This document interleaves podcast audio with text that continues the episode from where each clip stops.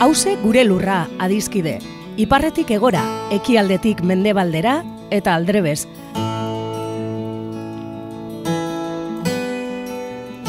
Lurra bakarra dugu edo gaituen lur bakarra da hause.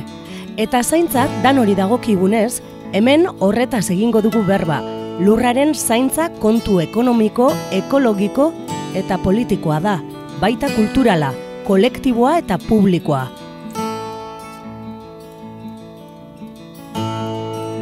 Ekopol taldeko Iñaki Bartenak eta Josu Larrinagak hause gure lurraren zaintzak dituen ataka eta kontu importantei buruz hitz egingo digute. Lurrosoaren erasoak ezin garaitu zezakeen hiri bat ikusi nuen ametxetan. Entxuleok, agurtardi, berriro gaude hauze gure lurra irratzaioan, eta gaur ere Iñaki Barzenak e, politologoa, ekopoleko buruak, e, zehoz ere kartzen digu, simbioseri buruz e, okerez banago Iñaki. Bai, kaixo Josu, ba, men gaude gaurre karri dugu ba, dikotomia bat gaur egun agertzen dara. Deitu diote simbiosia ala egoismoa simbiogenesia ala bereko ikeria. Programa honetan e, krisi sozioekologikoa eren, bueno, arazo kulturalak e, jotzen ditugu eta ikusten dugu, ba, bueno, ze problema nagusia da, nor, denbora askorik ez dugu ba, ditugun e, demak e, sozioekologikoak eta erronkak sozioekologikoak e, ba, eta hor dago, ez, e, egin behar den e, hautaketa kulturala, ez? Azken irureun e, urteetan kapitalismoaren e, sorrera eta etorrerarekin, ba, sortu dugun kultura individualista eta nolabait extraktivismoan oinarritutako askunde ekonomikoaren e, lelo hori, ba, horrek e, kolapso edo porroteko sozialera garamatza. Orduan, asuntua da, non ditator kultura hori, ez? Individualismorena. eta posible dugu beste ordezko balioetan, beste kultura bizigarriago bat e, sortu, eraiki. Galdera hoiek dira, gaurko irratzaioan e, planteatu nahi ditudanak eta horregaitik alde batetik daukagu, nolabait, e, simbiosi edo simbiogenesiaren bidea eta beste aldetik gen egoistaren bidea, ez? Azteko esango nuke zientziak eta zientzilariek e, bueno, zabaldutako bideak ba, lagundu dezaketela ba, bidaia kultural berri honetan, ez? Hau da, beti kontutan izan behar dugu ez dagoela zientzia bat eta bakarra, dena asaltzen duena, hori gogoratzen dut duela aste batzuk zu programa baten komentatu zenuena, ez? E, Iruña beleia dela eta ez dela, ez? Hau da, zientziaren paradigmetan ere bai, kapitalismo basatiaren zutabeak aurkitzen ditugu, ez? Bai ekonomian, edo bai psikologian, edo bai ingenieritzan, edo... Bueno, guk irrazaio honetan e, ikusiko edo, edo hobe, entzungo dugun moduan, ba, zientzilariak ere konponbide sozioekologikoaren parte izan daitezke, Eta adibide bat, azteko esatearen, azkenengo IPCC, aldaketa klimatikoaren gaineko nazio batuetako bueno, talde horrek, talde handi horrek, azkenengo txostenan esaten du, ekonomia kapitalistari leporatzen e, zaio, hitz horrekin, hitz horiekin, aldaketa klimatikoaren zio nagusia kapitalismo didatoz. Eta desaskundearen perspektiba seinalatzen du ere, ez? Bueno, horri, orduan, bueno, zientzilariek batzutan bere burua nahazten dute nolabai konpromesu sozial edo sozioekologiko hauekin, Eta horrek esan nahi du zientzia lagundu dezakela irten bideak e, bilatzerakoan, ez? Horregatik, bueno, gaur e, biologian dagoen eztabaida bati, mm, simbiosi edo gen egoistaren artean dagoen dikotomia hori horreri erreparatuko diogu, ez? Aztekotan esango nuke bai, individualismoa dala e, Europan e, sortutako munduaren ikuspegi soziopolitikoa, da, Europako hirietan potere burgesa pot, jaiotzen denean, eta garatzen denean, gogoratzen dut beti e, Thomas Hobbesen e, homo homini lupus, ez? E, gizakia, gizakiaren zako otzoa dala, ez? Eta hori adibidez, bueno, lebiatan liburu famatu horre, horretan agertzen dan, ez? Errege bat, e, bi, bi espatakin, espata militarra eta apespiku edo gotzaien makilarekin, potere religioso eta potere politikoa, ez? Eta horra direzten da, feudalismoan existitze ziren talde sozialak, estamenduak edo klase sozialak desagertu ziren, individualismo universalista baten paradigma batean abiatzeko, ez? Hori ba, Jaio Herrerok eta Amaia Perez Orozko hauek esate dute el paradigma BBVA, ez? Burgués, blanco, baron, autonomoa, ez? Hori da norbanakoaren erizpidea, gizartearen zelula edo, ladreilu nagusia, eta, bueno, e, lebiatan e, liburuaren e, azalean agertzen da errege hori, eta errege hori dago gizakiz gizaki, pertsonaz pertsona osatutakoa, ez? Orduan hori da, nolabait, individualismoaren abia da. Eta, bueno, lebiatanen e, irudi horretan agertzen dan, bueno, gizaki guzti horiek individuo librea konzertatu daitezke, parte hartzaileak, eta bar, baina hori bai, gizabanako dira gizakia, ezak dira gizonezkoak, dira e, zuriak, dirudunak, eta askatasunan edo autonomian e, oinarritutakoak, hau da, e, emakumeak, proletarioak, atxerritarrak, dependienteak diren individuak, horiek ez dira izango, ez? Bueno, ba, zientzia sozialetik, edo nolabait e, jobesen psikologia hortatik abiatzen bali magara, biologiara, salto bat egiten badugu, eta evoluzioaren teorietara jotzen baldin badugu, ikusten dugu bai hor bi ikuspegi oso desberdina daudela, ez? Eta egon direla, e, azkenengo hamarkadatan bizitzaren evoluzioa azaltzeko, ez? Alde batetik, eta hasiko gara gen berekoia edo e, gen egoistaren teoriarekin, hor e, inglesera da the selfish gen, ez? Hor Richard Dawkins mila beratzen da irurogeta zeian esaten du, espezien evoluzioa genen ikuspuntutik interpretatu, interpretatu behar dela. Ez gizabanako edo, edo pertsonen edo nolabait eh, animalien bidez, ez? Hau da, ez e, individuak eta ez e, taldeak ez dira nolabait e, hautespenaren bidea, ez? Eta gen berekoi horren teoriaren arabera, ba, geneak dira nolabait unitate evolutiboak eta e, evoluzioa ikuspegi genetiko hortatik ulertu dezakegu nolabait austezpen naturalaren fenomenoak eta evoluzioak, aldaketak, eredentziak eta bar, ez? E, duela gutxi, hogeta marrurte berrogei dute pasata gero, konturatu zen, igual, e, gen egoistaren, e, the selfish gen hori, esala oso egokia, esaten zuen, e, liburuaren burua bere edukiak itxura desegokia, eman dezakela, orduan, bueno, esan zuen, e, igual, hobeto izan, e, the immortal gen, ez, e, gen hileskorra, ez, e, deitu behar zala, bueno, nire ustez, e, bueno, aukera bat e, eskorra bazan, e, bestea aretzarragoa, ez. Baina, bueno, e, da, daukizen teoriaren evoluzioaren e, horretan, ba, geneak dira nolabait e, abia puntu nagusia, eta bereko ikoiriaren metafora daukizen azaltzen du. Egen batek aurrera egiteko probabilitatea ingurugnera egokitzeko duen gaitasunaren arabera, ez? Horti do asuntua, duan. E, organismoak berak, beha jenentzako biziropen mailak besterik, makinak, barkatu, biziropen makinak besterik ez dira, orduan adibidez e, berak esaten du, bueno, ba, zer da, arrautza edo olioa, zein da importantea, ez? Eta berak esaten du, ez, olioa dira nolabait kontinente bat, nun, e, arrautzak mugitu eta garatu egiten dira, ez? Alde horretatik geneak dira nolabait erentzia, erentziaren oinarria, eta ulgalketa sozial edo ulgalketarako abentaiak ematen dituzten geneak, bueno, gero eta importante hauak izango dira, eta individuek edo banakoek eredatuko dituzte, ez?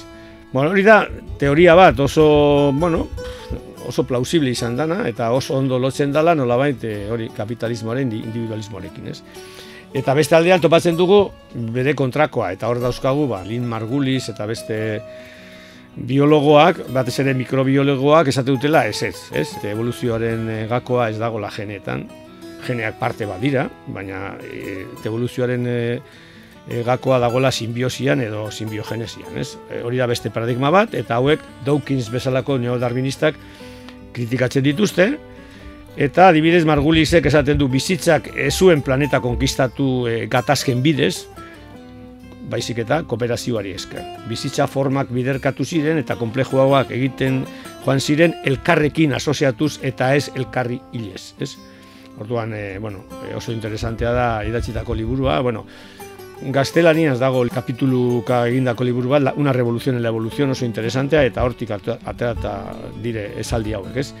Orduan, ikusten dugunez, ba, batentzat geneak eta gene e, burrukalari, ez, ukondoka dabiltzen, dabiltzaten horiek azaltzen duten, zergaitik e, bizitza evoluzionatu duen, eta beste batzuk esatu dute kontrakoa, ez, bizitza hasieratik duela irun mila milioi urte, ba, evoluzio horretan, ba, hainbat urratzi, e, izan dira lur planetan, baina jauzu evolutibo horiek simbiosien e, bitartez lortu dilera eta horregaitik, bueno, ba, simbiogenesisen teoria honek, ba, bueno, ba, esaten du, ba, mutazio kopuru handiak ez zirela espeziazio iturria, baizik eta pobretxe eta desagretxe iturria. Ez hau da, benetako motore evolutiboa bakteriak dira eta ez geneak, eta bakteria dira biodibertsitate eta komplejotasun biologikoaren sortzen dutenak. Hau da, hauek e, leporatzen diete beste biologoi ez astea evoluzioa azaltzen animaliekin. Osea, animaliak agertu baino lehen,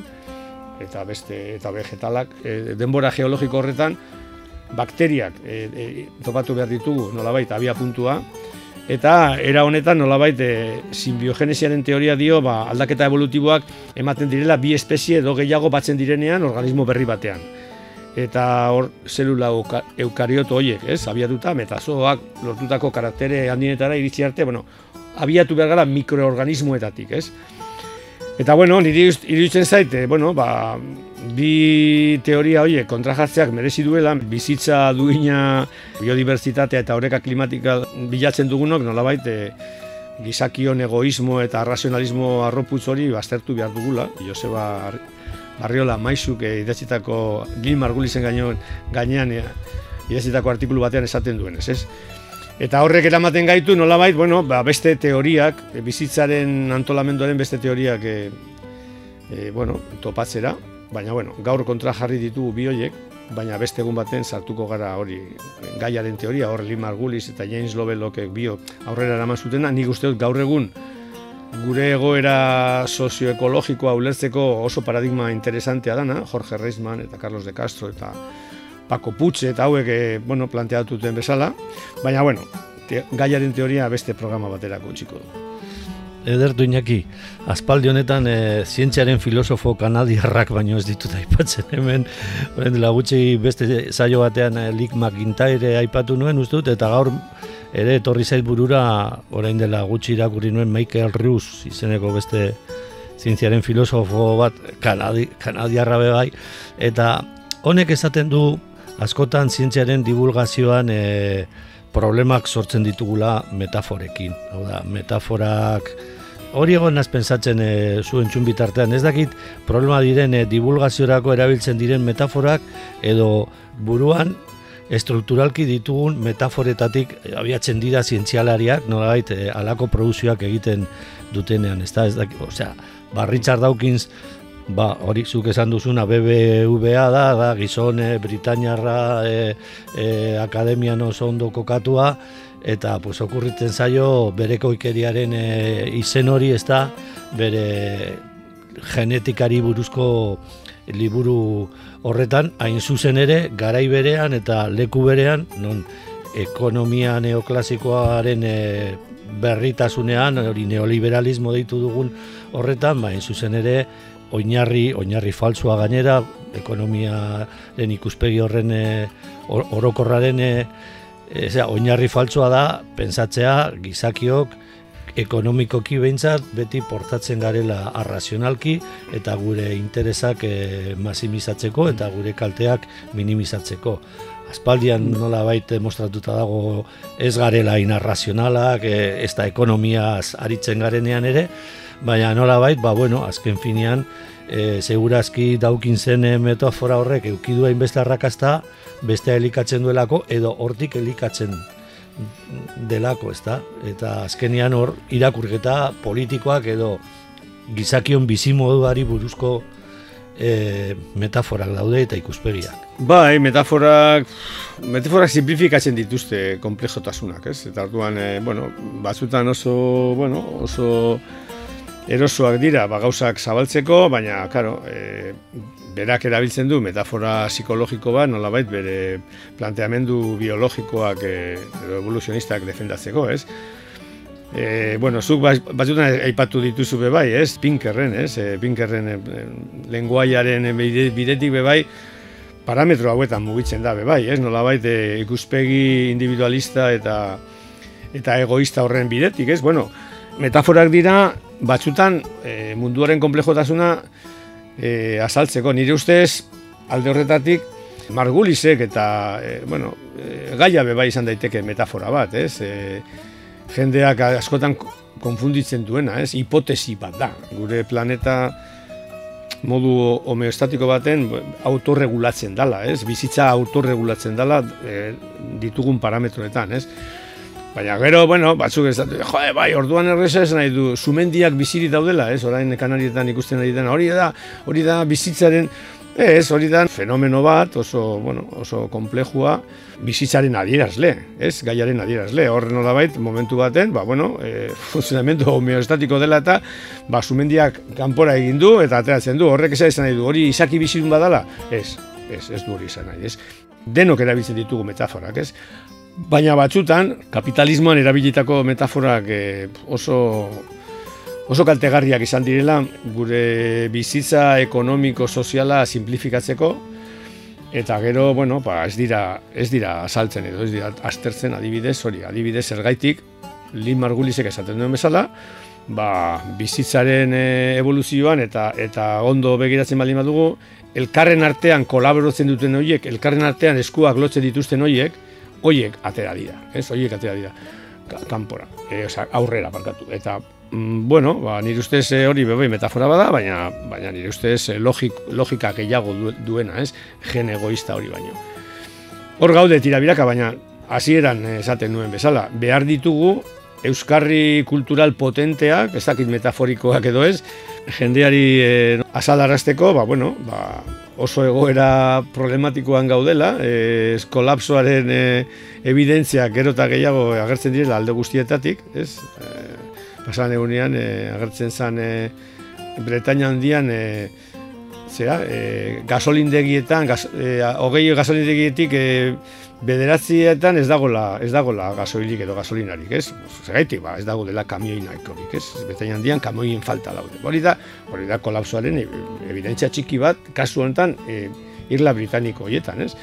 Hori, bueno, hori gero eta gehiago ikusiko dugu e, leku askotan, modu diferenteetan, orduan, nahi baldin badugu, e, prebentzio edo prekauzio printzipio bat aplikatu, ba, bueno, bila ditzagun e, irten bide simbiotikoak, edo, bueno, orain arte jarraitu dugun kapitalismoaren e, dinamikatik, ba, ukondoka jarraitzen baldin badugu, ba, bueno, salbezik pueda. Bai, daukin zen e, alde nola baite lantza bat apurtzagatik. Ezan behar da, bueno, gizona gero sekulako jipoia jaso izan dituela, bere, hori, gen berekoia eta gero, ba, sartu zelako dinamika bat nolai demostratzeko jainkoaren konzeptuaren beharra bentsat ez dugula edo zientzian ez daukala lekurik eta sekulako polemikak euki ditu e, horrekin ez da, baina are suerte txarrago euki du hor gen bereko ja liburu horretan bebai e, kulturaren funtzionamendua e, nolabait esplikatzeko nahi du egin paralelismo bat edo metafora bat e, gen delakoa biologiari dena, kulturari izango litzateke bera meme hitza bai. proposatu zuen, ezta? Bai. Eta behitu ze sorte txarra izan duen e, meme hitzarekin gaur egun zertara dago erreduzitua edo meme hitza, ezta? Eta or, etorri zeta burura ere, ba hori, meme bat ikusi nuelako beste gunean e, telefoninoan, zera, Bretaña hondiko gasolindegi batean, ba, bi gizon ostiaka gasolinaren borrokan, eta nolabait hori da orain suplanteatzen duzun, ez da? Edo bai. ostiaka bulkatuko dugu gasolinagatik, edo edo kotxea partekatzen hasi beharko gara, ezta? Hori nola baita edo simbiosia edo hortik egon daiteke bai, bueno. batea, metaforikoa, baina erreala. Enuen memearena aipatu nahi, ba, ez zuzen ere, baina, konfuzioa esortzeko, baina bai, bai, e, nire ustez e, oso evidentea da gaur egun, ba, bueno, daukagun e, kojuntura edo panorama sozioekologikoan, ba, bueno, ba, edo jotzen dugu elkarri mokoka nola baita ber nordan hori e, egoismoaren bidez nordan aurrena gasolina, gasolina lortzeko edo planteatzen dugu agian kotxe gutxiago eta partekatuak behar ditugula ba, denok garraiatu izateko ez? Ba, bueno, hor, e, hor, dago koska, baina bueno, e, baten batek esan gezake, bueno, eta e, bide bat edo beste zein da e, diru gehien sortzen duena edo errenta gehien sortzen duena edo negozio gehien sortzen duena, bueno, hori da hori da daukagun paradigma, ez? Orduan, bueno, nire ustez e, horregaitik pentsatzen dut ba bueno, metafora kultural berriak behar ditugula eta bizitza onaren adibideak, adibide berriak behar ditugula, nola baite, bueno, ba, egoismoaren bide hortatik alde egiteko. Edertu inaki, eta ze kanta ekartzen diguzu honekin? Bueno, ba, hori, ba, kanta historiko bat, ekilapaiunek egindakoa, baina, bueno, e, la muralla, ez? E, Traigame todas las manos, ez? E, jende askoren eskuak behar ditugula honei buelta emoteko, eta, bueno, kasu honetan, e, Mexikoko hiru hiru emakume las tres grandes deitzen direnak, ez? E, Eugenia León, Guadalupe Pereda eta Tania Libertad hoiek kantatzen dute biolinen artean oso kanta polita iruditu zait eta horrekin nahi dut bukatu programa hau.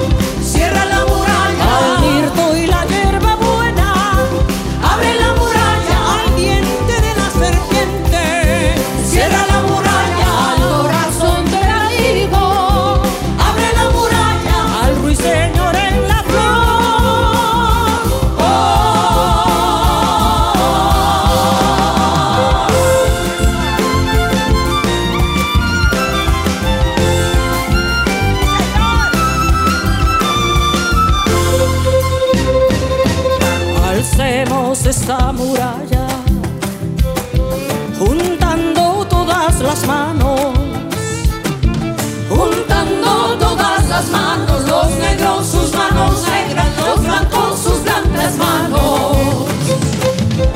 Una muralla que vaya